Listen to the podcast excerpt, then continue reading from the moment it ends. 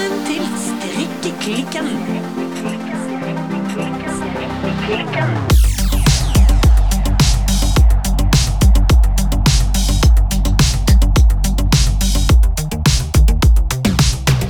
Hei, Silje. Hei, Birte. Silje, hva strikker du på i dag? Birte, i dag strikker jeg ikke. Jeg driver egentlig med en bitte liten prøvelapp med nålebinding. Nå, nål og tråd, har du gått tilbake? Hva skjer nå? Nålebinding det er egentlig en sånn fantastisk spennende teknikk fra skikkelig gammeldager. Vikingene drev med nålebinding. De laget strømper og andre tekstiler. Det er en teknikk hvor du bruker, ja, nål og tråd, bare at det er en, det er en stumpnål, en stoppenål eller en tjukk nål. Så du kan ikke ha en spissnål. Istedenfor å lage løkker eller masker, sånn som man gjør når man strikker eller hekler, så lager du små knuter. Fordelen er jo at nålebundete tekstiler, de rakner ikke. Nei. Ulempen det er at når du er som meg og gjør mange feil, Ja. så kan ikke du rekke det opp igjen. Da må du knyte det opp igjen. Nei. Jo. Så foreløpig så er jeg jo så ny til dette. Altså, ærlig talt, jeg begynte med det i går. At jeg må jo sitte og se på YouTube tutorials absolutt hele tiden. Så jeg kan ikke gjøre dette samtidig som jeg opererer en miksepult og en eh, mikrofon og uh, dess like. Så i dag så sitter jeg rett og slett her med noe så tarvelig som uvirksomme hender. Tenk at det skulle skje, Silje. Det er skammelig. Og da vil jeg gjerne også bare gi en liten shout-out til Thea Emilie Svartsund, som jeg da ser på sånne video på, videoer på på YouTube. Ja. Hun har en helt fantastisk dialekt, og jeg sitter jo i og med at jeg sitter og ser på de på repeat om igjen og om igjen, så jeg har hengt meg veldig opp i setningen hennes. Tråden skal ligge yvi nåli! Så sånn sitter jeg da og gjentar dette her, mens jeg fortvilet prøver å lære meg vikingenes gamle nålebinding. Jeg forstår. Eh, men altså, hvis jeg skal finne fram på YouTube, søker en bare på nålebinding da, eller?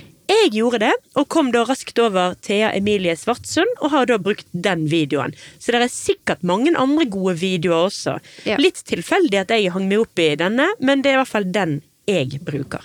Ja.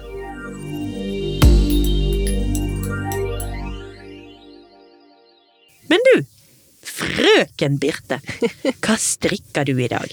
Du, nå har jeg igjen kasta meg over Everyday Socks fra Dette er et nytt! Og altså, jeg starta på disse for et par uker siden. Strikka feil på hælen, måtte rekke opp, og så har jeg latt den ligge litt. Ja. Jeg fikk rett og slett en leste-ufo. Men nå har jeg funnet litt motivasjonen til å prøve på nytt på denne hælen. ja, for hæl kan være en eh, knute, rett og slett. Det var det. Jeg fulgte oppskrifta, så på videoen, men fikk ikke det helt til å stemme. Og nå hadde jeg et lite kjapt besøk av eh, min kjære mor, Ja. og vi hadde en liten eh, strikkeklubb der vi så igjennom i fellesskap tutorials fra Kimmi Munkholm, Ja. som er den videoen som følger oppskrifta. Og etter litt diskusjoner og litt eh, fram og tilbake, så tror jeg at jeg har funnet ut hvordan jeg skal gjøre det. Så jeg skal holde dere oppdatert på denne her eh, Birte lærer å strikke hæl-føljetongen. Ja, eventyret eh, Birte og hælen. Hvem vinner? Altså, ja. Dette blir veldig spennende. Absolutt. Tør jeg spørre hvilken farge du strikker i? Ja, jeg strikker i gråmelert. Å, så spennende! Selvfølgelig! Det blir ikke noe rosa hoser hos deg? Ikke i første omgang. Keep it basic eh, inntil videre. Det hørtes flott ut. Jeg gleder meg å se deg i selvstrikkete lester eller labber, eller hva du vil kalle det. Ja, det gjør jeg også. I dag skal vi snakke om noe eh, som jeg tror du har gledd deg voldsomt til. Jeg kan liksom bare føle sitringa i denne strikkehytta vår her i dag. Jepp. Ja, for i dag skal vi snakke om norsk strikkehistorie. Ja. Og her i Strikkeklikken så er jo vi så heldige at vi har vår egen kunsthistoriker, nemlig Silje. Meg! Yes. Og du, jeg vil si at du med stor glede har tatt et ganske djupt dykk inni, inni denne historien her. Ja, altså det er jo ganske viktig å poengtere at jeg er verken tekstil- eller kulturhistoriker. Å være kunsthistoriker er ikke det samme som kulturhistoriker, altså. Nei. Men selvfølgelig, jeg tror du Jeg har aldri møtt en kunsthistoriker som hatet kulturhistorie, da, for å Ja. si det på den måten. Ja. Det er selvfølgelig beslektet. Du er litt ko-ko hvis du elsker kunsthistorie, men hater kulturhistorie. Um, men altså, til tross for at jeg eh, altså er utdannet kunsthistoriker, så kunne jeg sinnssykt lite om strikkingens historie før dette. Ja. Så jeg har hatt en kjempekjekk eh, oppgave med å lære meg litt om norsk strikkingshistorie. Ja. Uh, og altså for å sette meg inn i dette, så har jeg brukt flere bøker. Blant annet Norsk strikk, fra tradisjonsrike klassikere til moderne design. Og Den store Marius-strikkeboken. Og Vintage strikk. Ja. Men jeg må likevel spesielt nevne den fantastiske boken Norsk strikkehistorie Ja. av Ingunn Grimstad Klepp og Tone Skårdal Tobiassen. ja. Og jeg kan eh, skyte inn at eh, den boka blant annet finner du faktisk på biblioteket. Ja. Så den er- kan vi sjekke å låne. Shout-out til både boken og biblioteket. Mm. For det er altså en Altså, det er utrolig få bøker som gis ut om norsk strikkehistorie. Når denne boken kom ut for Var det i år? Var det i fjor? Før det hadde det i hvert fall gått 30 år siden norsk strikkehistorie sist hadde fått sin egen bok. Ja. Og i forhold til mengden bøker vi fremdeles gir ut i året om for eksempel andre verdenskrig, Mhm. så er jo det latterlig lite. ja.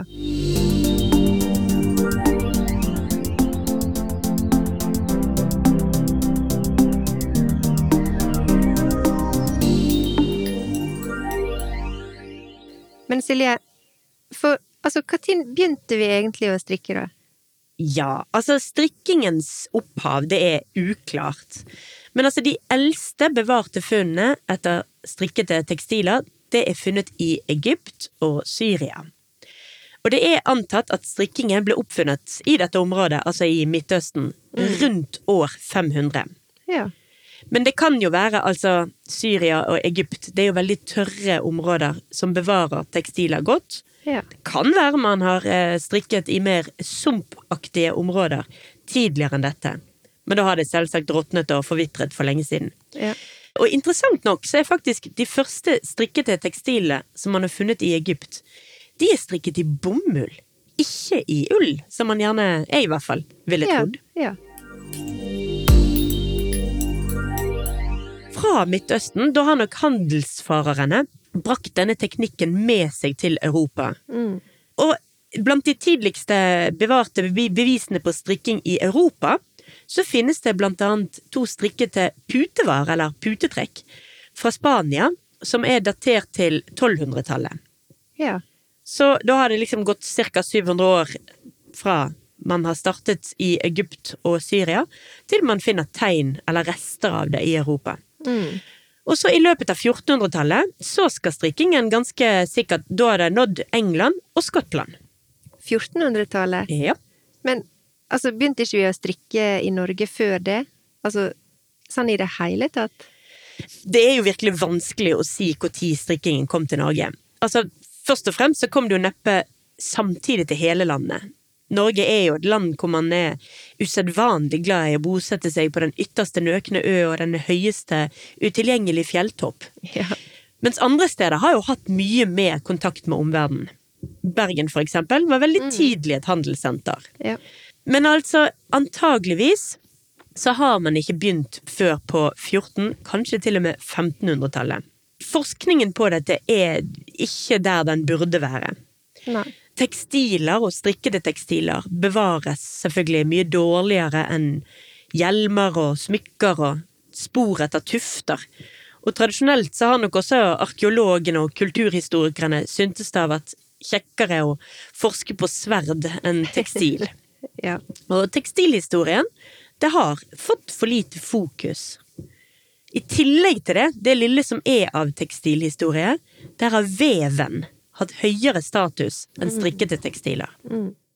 Så altså, i mye av litteraturen som jeg har lest nå, og da igjen spesielt norsk strikkehistorie, shout-out igjen, så presenteres nordmenn som ganske seint ute på strikkefronten. Fordi at i motsetning til hva man kanskje skulle tro, så strikket ikke våre for, forfedre, eller mer presist våre formødre. De strikket ikke i bronsealderen eller jernalderen og vikingtiden. Vikingene de drev med det som jeg allerede har nevnt, denne nålebindingen, og i tillegg så vevde de. For veven, den er kjent fra allerede fra det åttende årtusenet før Kristus i Kina og Midtøsten. Og allerede i tidlig jernalder, altså ca. 500 år før vår tid, eller før, før Jesusen, som jeg pleier å si, så vevde man i Norge. Det eldste strikkete fragmentet i Norge, det er en liten flik av en glattstrikket ullbit som de fant under utgravinger av et av husene på Bryggen i Bergen. Jeg mener det var Finnegården. Ja. Og det er antatt at denne strikkete lille ullbiten har havnet i jorden et eller annet sted mellom 1476 og 1525. Oi. Men det er jo da umulig å si om denne lille ullbiten er strikket i Norge, eller om den er importert. Ja. For glem ikke at Bergen var en internasjonal havn med mye handelsvirksomhet på denne Ja. tiden. Og her må jeg jo gi enda en shout-out, nemlig til Bryggen museum. Altså, det er et veldig flott museum som ligger midt på Bryggen. Turistene er flinke å besøke den. Ja. Bergensere, not so much. Nei. Så jeg vil gjerne bare si, gå på Bryggens museum. Ja.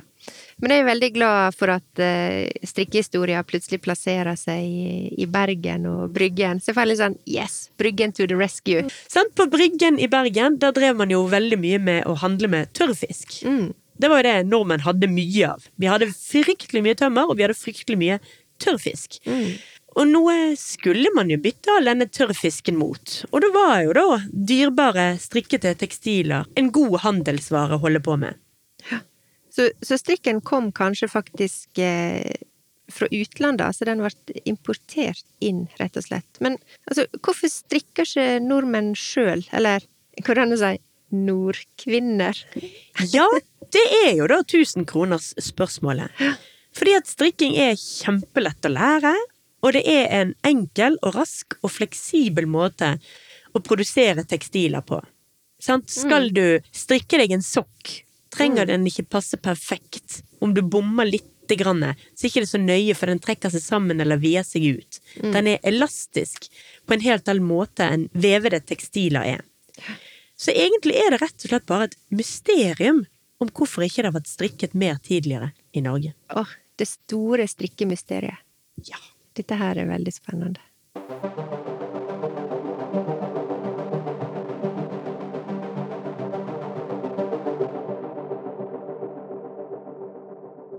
Så altså, 5 til 1538 så er hosene som er nedtegnet i regnskapsbøkene sydd av vevet tøy. Men allerede noen tiår seinere så nevnes imidlertid strikkete sokker. Men disse skal da være importert fra Færøyene. Så der strikket de. Men når du sier hoser eller sokker, mener du lester da?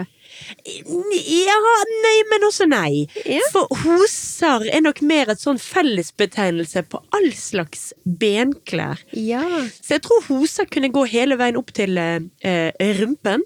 Ja. Mens jeg, uten at jeg egentlig har lest opp en definisjon på hvor høyt opp lester eller labber kan gå, så vil jeg nå kaste ut påstanden at går det høyere opp enn over kneet, så får ikke det lov å hete lester eller labber. Da er det hose. Da tenker jeg vi er på hoser, rett og slett. Tilbake til strikking. Ja. For litt etter litt så fikk nok strikkingen fotfeste i Norge. Stort sett så er det enighet i litteraturen om at strikking har vært utbredt siden tidlig 1600-tall. Eller kanskje litt tidligere. Det er jo da veldig vanskelig å si hvor utbredt denne strikkingen var. Men særlig i Rogaland og i Trøndelag så ser det ut til at strikkingen grep om seg på denne tiden. Mm. Så må vi et lite fokus på Lisbeth Pedersdatter. Hun er da den første som navngis i norske skriftlige kilder som strikkerske. Oi. I 1634 så ble Lisbeth Pedersdatter fengslet i Stavanger, anklaget for å være heks. Hun hadde vært i tjeneste hos eh, en som het Karen Eriksdatter, og sammen så ble de to omtalt som landstrykere eller omstreifere. Og i papirene så står det at en av Lisbeth Pedersdatter sine oppgaver var også å strikke strømper til Karen. Dette er jo da en eh, arbeidsoppgave som ikke er fullt så vanlig å ha i våre dager. Nei. Og når du forteller dette her, så tenker jeg det er kanskje ikke så rart at det ikke var så mange som strikka, dersom du ble anklagd for å være heks om du gjorde det. Nei, det, det er ikke veldig Man blir ikke veldig Det er ikke et populært yrke. Det er ikke noe da. du ønsker da, Nei. nødvendigvis.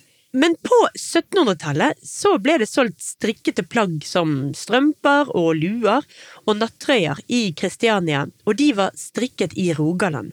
Ja. Så for Rogaland var dette en eksportartikkel allerede på 1700-tallet. Rogaland hadde jo veldig mye sau, mm.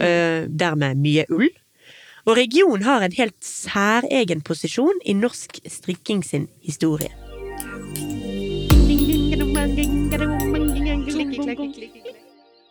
Etter hvert så vokste tekstilindustrien i Norge frem. Gården Opus i Åmot den er svært viktig her, fordi at her ble både Enighetsfabrikken og Det patriotiske selskap konstituert i 1782. Og etter hvert så kom bedrifter som Devold og Rauma ullvarefabrikk, og Ålgård ullvarefabrikk, som jo seinere ble omdøpt til Sandnes Garn. Siden vi holder til i Bergen, så må jo vi selvfølgelig også slå et slag for Salhus trikotasjefabrikk, Ja. som åpnet i 1859. Ja. Og vi må jo selvfølgelig oppfordre alle som eh, har mulighet til å besøke dette fenomenale museet utenfor Bergen. I Salhuset fantes det helt fra 1800-tallet et helt lukket arbeidersamfunn som fullstendig var drei... Altså hele samfunnet dreiet seg om trikotasjefabrikken. Ja. ja, jeg las nettopp om at Salhus trikotasjefabrikk eh, hadde blitt freda, og nå skifta navn til Norsk Trikotasjemuseum. Ja, Så hvis du går inn på Facebook, så kan du følge dem der under navnet Norsk Trikotasjemuseum, altså tidligere Salhus eh, ja, Men der er det også litt forskjellige arrangement i ny og ne. ja, Og det er jo der de har den festivalen også, Bergen strikkefestival, om høsten. absolutt. Ja. Og de har arrangerer utstillinger, de har en fantastisk kafé, i det hele tatt området rundt der, og altså både museet og hele Salhus er veldig fascinerende og fint å se. Mm, absolutt.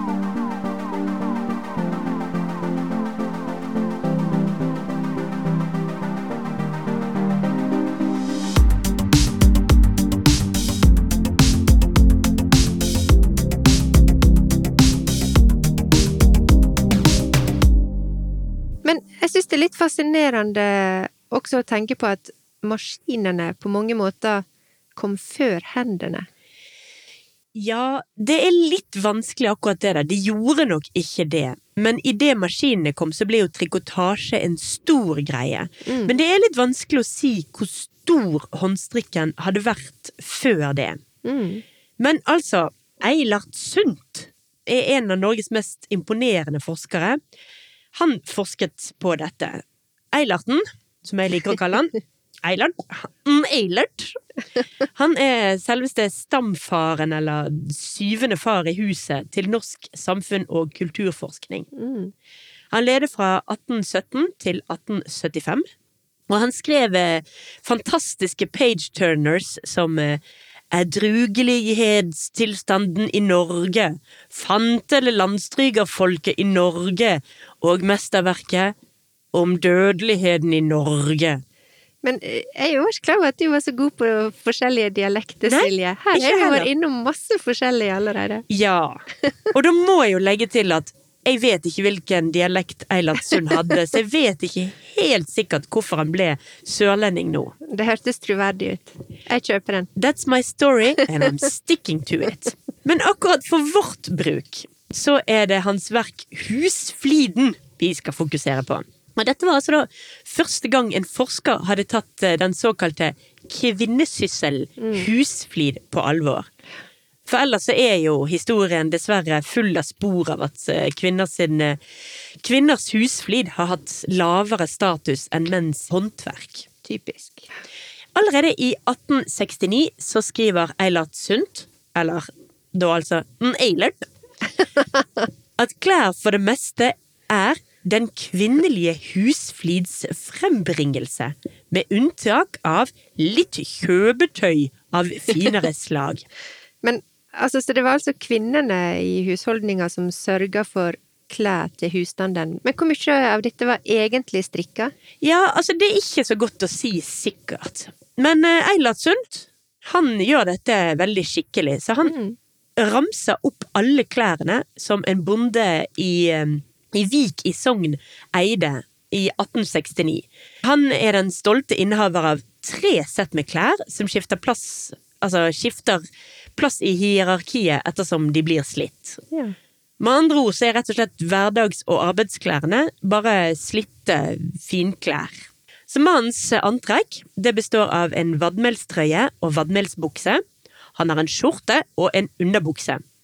Han eide en hatt og en rød lue som han brukte når det var kaldt. Han hadde fire par hele og pene strømper til hvert antrekk, og i tillegg så eide han to-tre par strømper som var stoppete og slitte og litt kjipe. Mm. Men ifølge Eilert Sundt så var det altså bare toppluen og strømpene som var strikket. Resten var vevet. Men ah, hvor enkelt det høres ut i gamle dager. Tenk å liksom klare seg med ei trøye og ei bukse og et par sokker, og så det var det. Ja, enkelt. Du slipper eksempel å lure på hva du skal på deg, men også også litt vemmelig. For det er jo da de samme klærne du har hatt på deg det siste året. Det var ikke så veldig mye vask og stell, og det var mye husdyrhold. Så litt enkelt, men også litt utrivelig. Enkelt og litt stinkende, kanskje. Men eh, han Eilert, Eilerten vår, han gjør jo dette skikkelig. Mm. Så han ramser også opp hva bondekona eide. Ja. Hun hadde flere plagg enn sin mann. Blant annet så flottet hun seg med både en undertrøye og noen ullsjal, og denne undertrøyen den var muligens strikket. ja. Til tross for at det ikke var så forferdelig mye strikkete plagg, sånn alt i alt, så brukte nok likevel kvinnene ganske mye tid på disse strikkete plaggene, for de skulle altså holdes hele og pene. Det var ikke noe alternativ å gå med hullete og eh, sprikende klær. Nei. I tillegg så strikket en del av disse kvinnene litt ekstra, altså de strikket plagg som de brukte som byttevarer. Og for en god del husholdninger så var dette en viktig sånn attåtnæring. Mm. Og Eilert Sundt, han skriver at det anses som en stor skam for en kone at lade mann og børn gå med søndrede kleder, og dette ser man derfor meget sjelden. Mm. Godt vedlikehold av klær, og det, klær og liksom hvordan ens familie tok seg ut. Det vitnet om en nøysom og dyktig husmor og kvinne på midten av 1800-tallet. Dette var virkelig tiden du skulle elske din mann og stoppe hans hoser og hele den pakken der.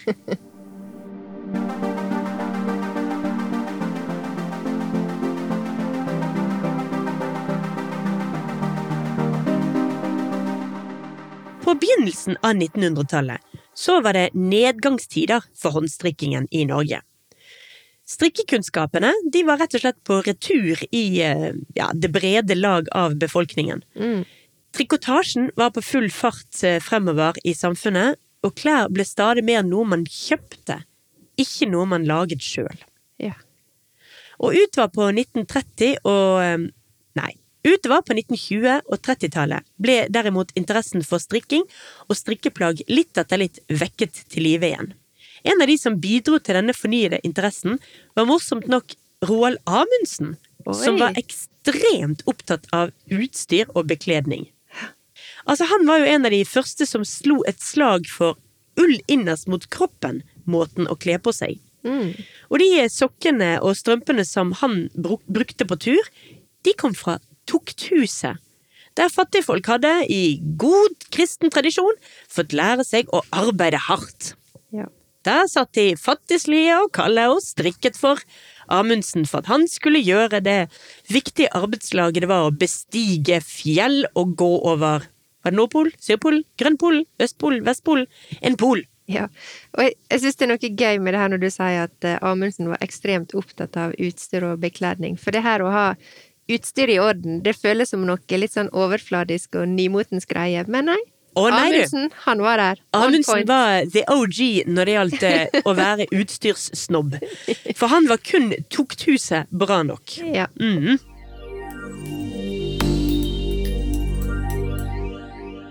Men en annen kjempeviktig person for strikking, norsk strikking på 20- og 30-tallet, det er Anniken Sibbern Bøhn. Allerede i 1929 så ga hun ut en bok Norske strikkemønstre. Og hun jobbet hardt for å få den norske hjemmestrikken opp og fram. Både med å lage og publisere vakre mønstre, og ved å lære norske folk om sin stolte strikkehistorie. ja. Hun var viktig for å belære oss om det vi allerede da hadde glemt, egentlig. Mhm. Under andre verdenskrig så ble da denne røde, hjemmestrikkete strikkeluen hentet frem igjen, da som et symbol på det norske, og dermed også på motstand mot okkupasjonsmakten. Mm. Strikking og hjemmestrikk ble noe veldig norskt, noe som sa noe om vår identitet. Ja, for at eh, jeg har også lest om at det å for eksempel holde seg varm gjennom vinteren, det var også en sånn Det ble også innarbeida som en sånn stolt norsk tradisjon. Det var ingen nordmenn som skulle fryse. Nei, og det var en Det hadde nok ikke vært så mye stolthet over det norske før det. Det kom jo som en del av et sånt prosjekt på denne tiden. Heldigvis, vil jo jeg si, havnet strikkingen inn i denne identitetsskapende tingen, sånn at den ble hentet fram igjen etter en liten sånn slumreperiode tidlig på 1900-tallet, ble det hentet frem igjen etter det. Ja.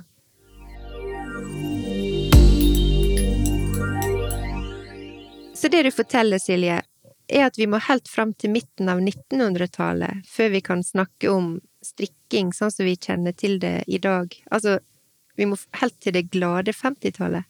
Ja, altså, strikkingen i dag ser jo også langt tilbake i tid, til ting som skjedde før 1950-tallet. Men ja, 1950-tallet er viktig for norsk strikking i dag. Og det er det spesielt én person vi må rett og slett bygge en liten pidestall for. Kanskje spraye med litt gull. Gi henne et eh, septer eller noe, og sette altså hun oppe her. Og da snakker vi om heltinnen Unn Søyland Dale. Hun var en flåttenfeia dame som står bak mønstre som Mariusgenseren, Snøkrystall, Finnmark og Eskimo. Sjøl om det rett nok er kontroverser knyttet til henne, om hun var aleine om å designe disse mønstrene. Ja, eh, for den kontroversen lever i beste velgående den dag i dag. Ja. Eh, Og uten å ta side i den diskusjonen, så føler det bør nevnes at, det, at Bitten Eriksen utvikla sitt Marius-mønster på slutten av 1920-tallet, og oppkalte det etter hennes eldste sønn, Marius Eriksen. Ja. Og resten er jo rett og slett strikkehistorie, både på godt og vondt. ja. Men for å gjøre forvirringa total, så var det faktisk nevnte Marius Eriksen, altså sønnen til Bitten, Ja. som var modell og fronta Søylands Dale sin Marius-genser. ja. Og fortsatt så er det ingen som kan helt forklare hvordan dette har gått seg til, for der er det en pågående kontrovers, rett Det er det. Noe av grunnen her, det er at det rett og slett ikke var vanlig å kreditere opphavskvinnene til de forskjellige mønstrene. Mm. Det var ikke ansett som noe som var høyverdig nok til at det var designere som hadde laget mønstrene. Det var det jo, selvfølgelig. Mm. Men det var ikke den samme kulturen for å skrive opp i for eksempel oppskriftshefter hvem det var som hadde laget de forskjellige mønstrene. Så dermed så sauses dette litt i hop, og den konflikten rundt hvem som egentlig er opphavskvinne til Marius-genseren, henger nok litt sammen med en litt sånn ukultur den gang da at man ikke var flinkere til å kreditere de opprinnelige designerne. Mm. Mønstrene til disse plaggene de var nok også inspirert av de tradisjonsrike mønstrene fra Setesdal og Fana utenfor Bergen og Selbu i Trøndelag, men Unn Søland Dale hun oppdaterte mønstrene og gjorde de tilgjengelig og trendy på en helt ny måte. Mm. Og det var mens hun jobbet som mannekeng i eh, Paris og London at eh, hennes fremtid ble formet. Hun solgte en egenkomponert strikkeoppskrift til en engelsk garnfabrikk, og dette mønsteret det var en slags forløper til hennes senere modell Eskimo. Ja. Eskimo-mønsteret ble senere solgt til Sandnes Ullvarefabrikk, hvor det ble en enormt stor suksess for, mm. for Sandnes, da. Unn Søyland Dale hun hadde et eh, fantastisk motto som var For å lykkes internasjonalt må man våge å være nasjonal. Fordi at hun var en av de første norske strikkerne som tok de norske strikketradisjonene på alvor. Hun gjorde de til allemannseie, og hun var en av de som ja, solgte eller markedsførte Norwegian Sweathers som en fenomen til hele verden. Ja. Det er veldig, eh, veldig eh, fascinerende å høre om. Altså, så norsk strikkehistorie er ikke så lang som en kanskje skulle tro. Nei? Og dette er jo rett og slett overraskende, vil jeg si. Jeg kunne fort tenkt at Marius-genseren var noe som hadde eksistert veldig lenge. Ja, nei, den er altså fra 50-tallet, men da slo han jo ekstremt stort an med en gang. Ja. Men det sier jo kanskje noe om oss som samfunn også. Altså, i visse perioder så strikker en som, som en dyd av nødvendighet, rett og slett for å holde seg varm. Mens utover på 50-tallet så hadde en kanskje mer tid, eller husmødrene hadde kanskje tid til å strikke mer som en kombinasjon av slags hobby og, og bidrag til kjernefamilier. Altså, jeg kan lett tenke meg at i en dørgende kjedelig eh, husmortilværelse, så var nok strikkinga et kjærkomment avbrekk i all vaskinga og strykinga og matlaginga, og som i tillegg kunne gi nytte til kjernefamilier i form av eh, tilskudd til eh, garderober. Absolutt. Altså, i dag tar vi oss tid til å strikke, og det er 100 lystbetont. Ja, nei, altså det På 50-tallet så kom jo blant annet jumperen eh, og altså en del sånn trendy plagg også for disse husmødrene. Som jo gjorde det mye kjekkere. Ja. Og det er klart, framfor å vaske og lage mat og gjøre ting som forsvinner hele tiden, og som må gjentas og gjentas, så har det nok vært en ja, outlet, for å si det på godt norsk, for mange husmødre å kunne skape noe som faktisk forblir. Altså, Har du gitt meg valget mellom å vaske gulv eller strikke, så veit jeg hva jeg hadde valgt, i hvert fall. Altså, jeg eh, Du du trenger bare ta en titt under sofaen din, så er det ganske åpenbart hva jeg ikke bare hadde valgt, men velger. Ja. Altså, denne norske strikketradisjonen, den lever jo i aller beste velgående i dag. Ja. Må vi vel kunne si. Det er langt ifra et norsk fenomen også. Eh, altså, fra tid til annen så kaster jo internasjonale motedesignere seg over både Selby-rose og Marius-mønster. Og for noen år siden så sendte for eksempel eh, det italienske luksusmerket Dolce Gabbana modeller, eller mannekenger, Mannekenger. ned eh, catwalken.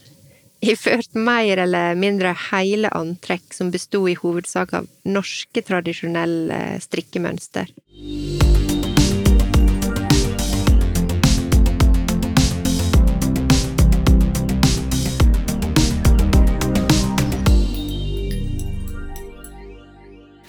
Men Silje, nå når du dykka litt ned i strikkehistorien strikkehistoria vår, med stor glede og iver, merker jeg, yep. har du fått lyst til å strikke noe norsk, tradisjonelt mønster? For eksempel eh, en sånn her hotpants med Selby-rose, sånn som vi så at Dolce Gabbana gjorde. Ja, altså Da må jeg jo innrømme at det er forholdsvis sjelden jeg bruker hotpants. Det skjer, men ikke så ofte. Men det jeg har faktisk oppdaget en ny glede for, det er jeg har et par eh, selbuvotter Ja. som mormoren min har strikket til meg. Ja. Og de har jeg fått eh, en nyfunnet glede av. Så de, de bruker jeg faktisk veldig mye nå når det er kaldt ute. Ja. Og det er kjempekjekt å kunne bruke noe så helnorsk som selbuvotter. Ja. Men skal du strikke et par sjøl? Det vet jeg ikke om jeg tør. Jeg tror jeg skal i hvert fall først knekke denne nålebindingsteknikken før jeg kaster meg over noe så utrolig moderne og nymotens som selbuvotter.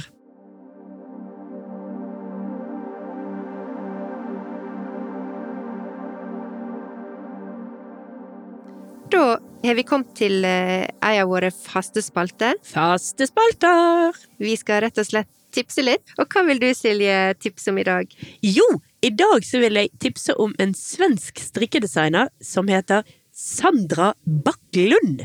Ja.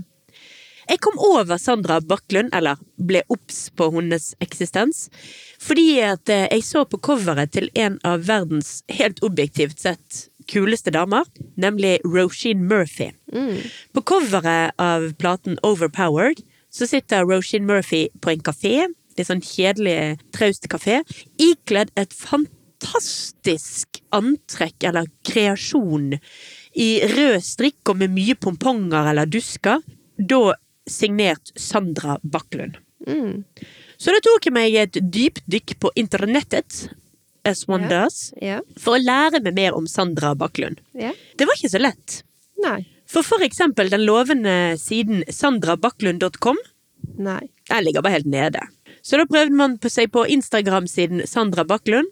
Er Det en svensk tenåring som ikke har noen ting med strikkerne å gjøre.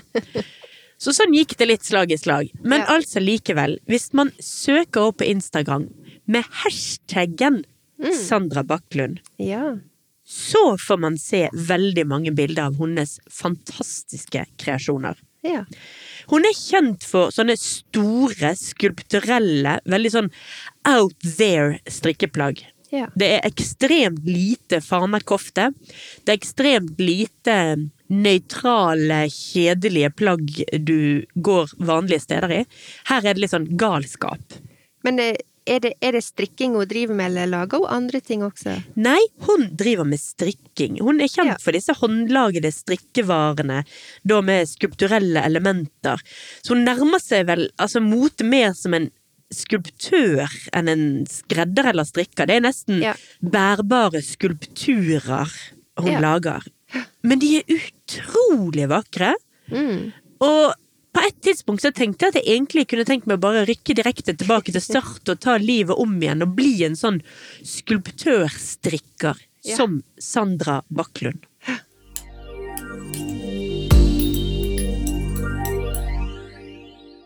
Men Birte. Har du noe du har lyst til å tipse våre lyttere om i dag? Ja, jeg må jo komme med et tips eh, her på tampen. Eh, Det er ikke så veldig konkret tips, det er mer en slags eh, metode, kanskje. Oh, For at jeg er jo glad i strikkegensere. ja, Det veit vi. ja. Jeg går med strikkegensere every day. Alltid? Ja. Og det som jeg har funnet ut nå når jeg har strikka litt, er jo at når du har strikka én genser, blitt kjent med den, lært deg hvordan den fungerer og hvordan den er å strikke, Mhm. så er jo jeg faktisk eh, laga litt sånn at da tenker jeg at hvis det var en suksess, ja. så kan jeg tenke ja, men denne genseren her eh, kunne jeg tenke meg flere av. Ja, Akkurat samme genseren, men kanskje i en annen farge. nettopp. Og sånn gjør jeg det med ganske mange ting eh, i min garderobe. Hvis du finner noe som funker, Mhm. så er det bare å kjøre på. Nettopp. Eh, og da lager du Da kan du også tillate deg kanskje å eksperimentere litt mer med Eller det blir jo egentlig mindre eksperimentering når du gjør det igjen, da. Ja.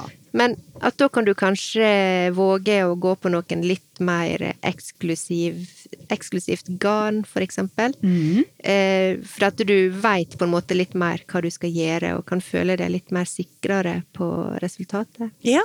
Så mitt tips er rett og slett i dag at hvis du har funnet noe som funker, Do it again. ja, gjør det igjen. Rett og slett. Det var faktisk et veldig godt tips. Ja, sant, det var det. Mm. Enkelt og bra. Men Silje, sist gang så eh, introduserte vi eh, strikkelistene våre. Ja, den Ja. faste spalten Strikkelisten. Jeps.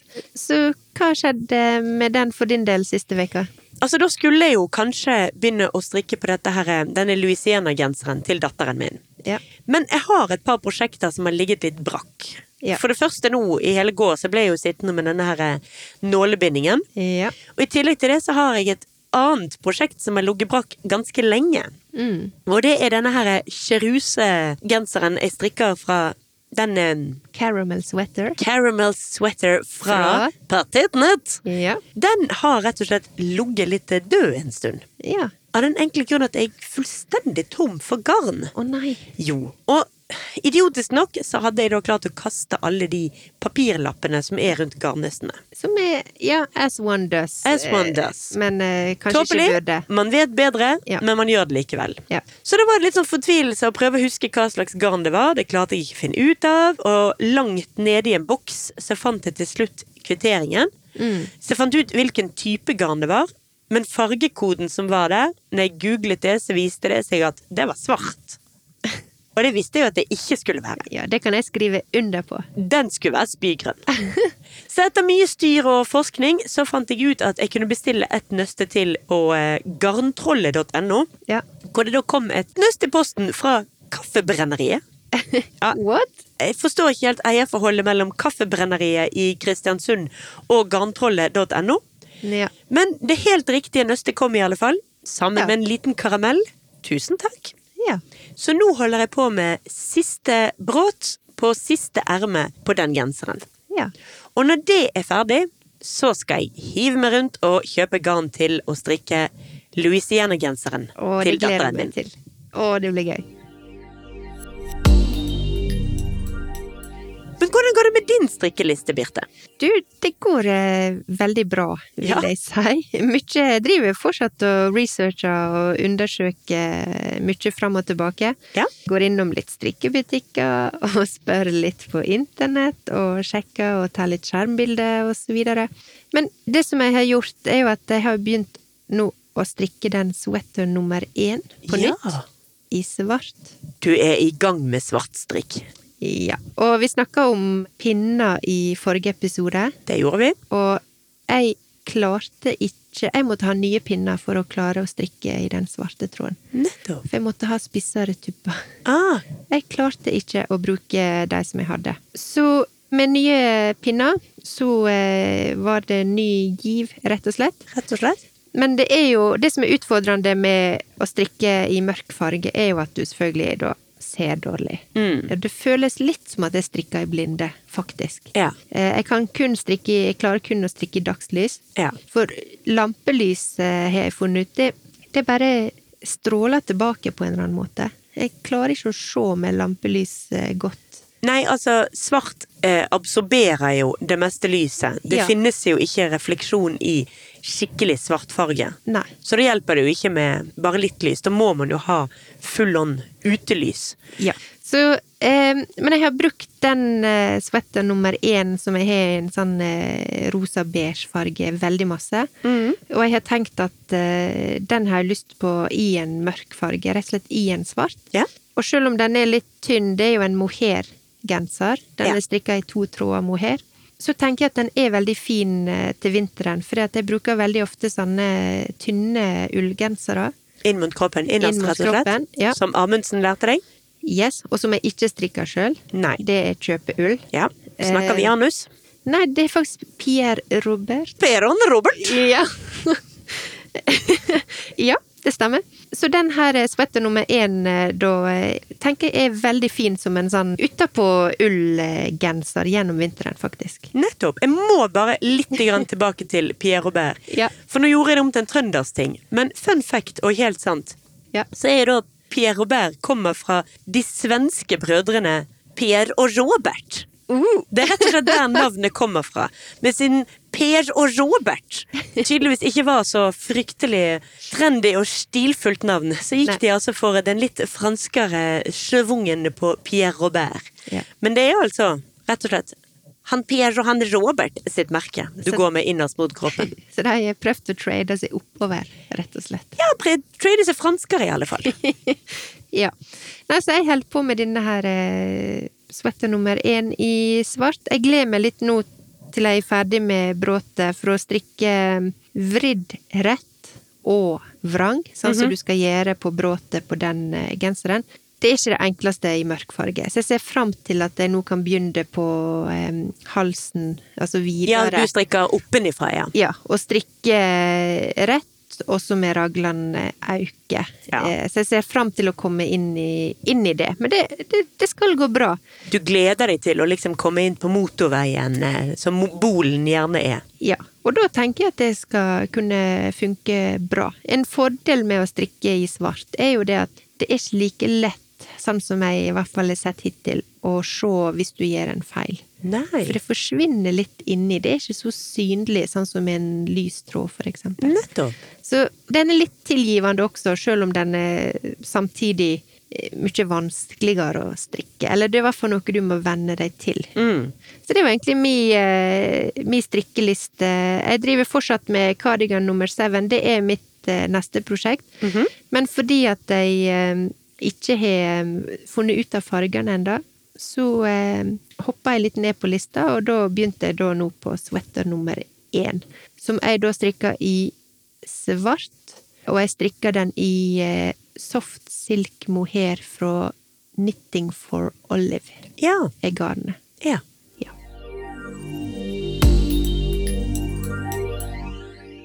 Men da gjenstår det rett og slett bare å si takk for i dag.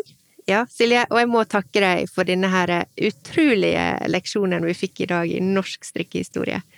Jeg håper alle lytterne setter like stor pris på det som jeg har gjort eh, denne tida her. Tusen takk. Bare hyggelig. Vi snakkes om en uke. Det gjør vi. Jeg gleder meg. Ha det! Ha det bra.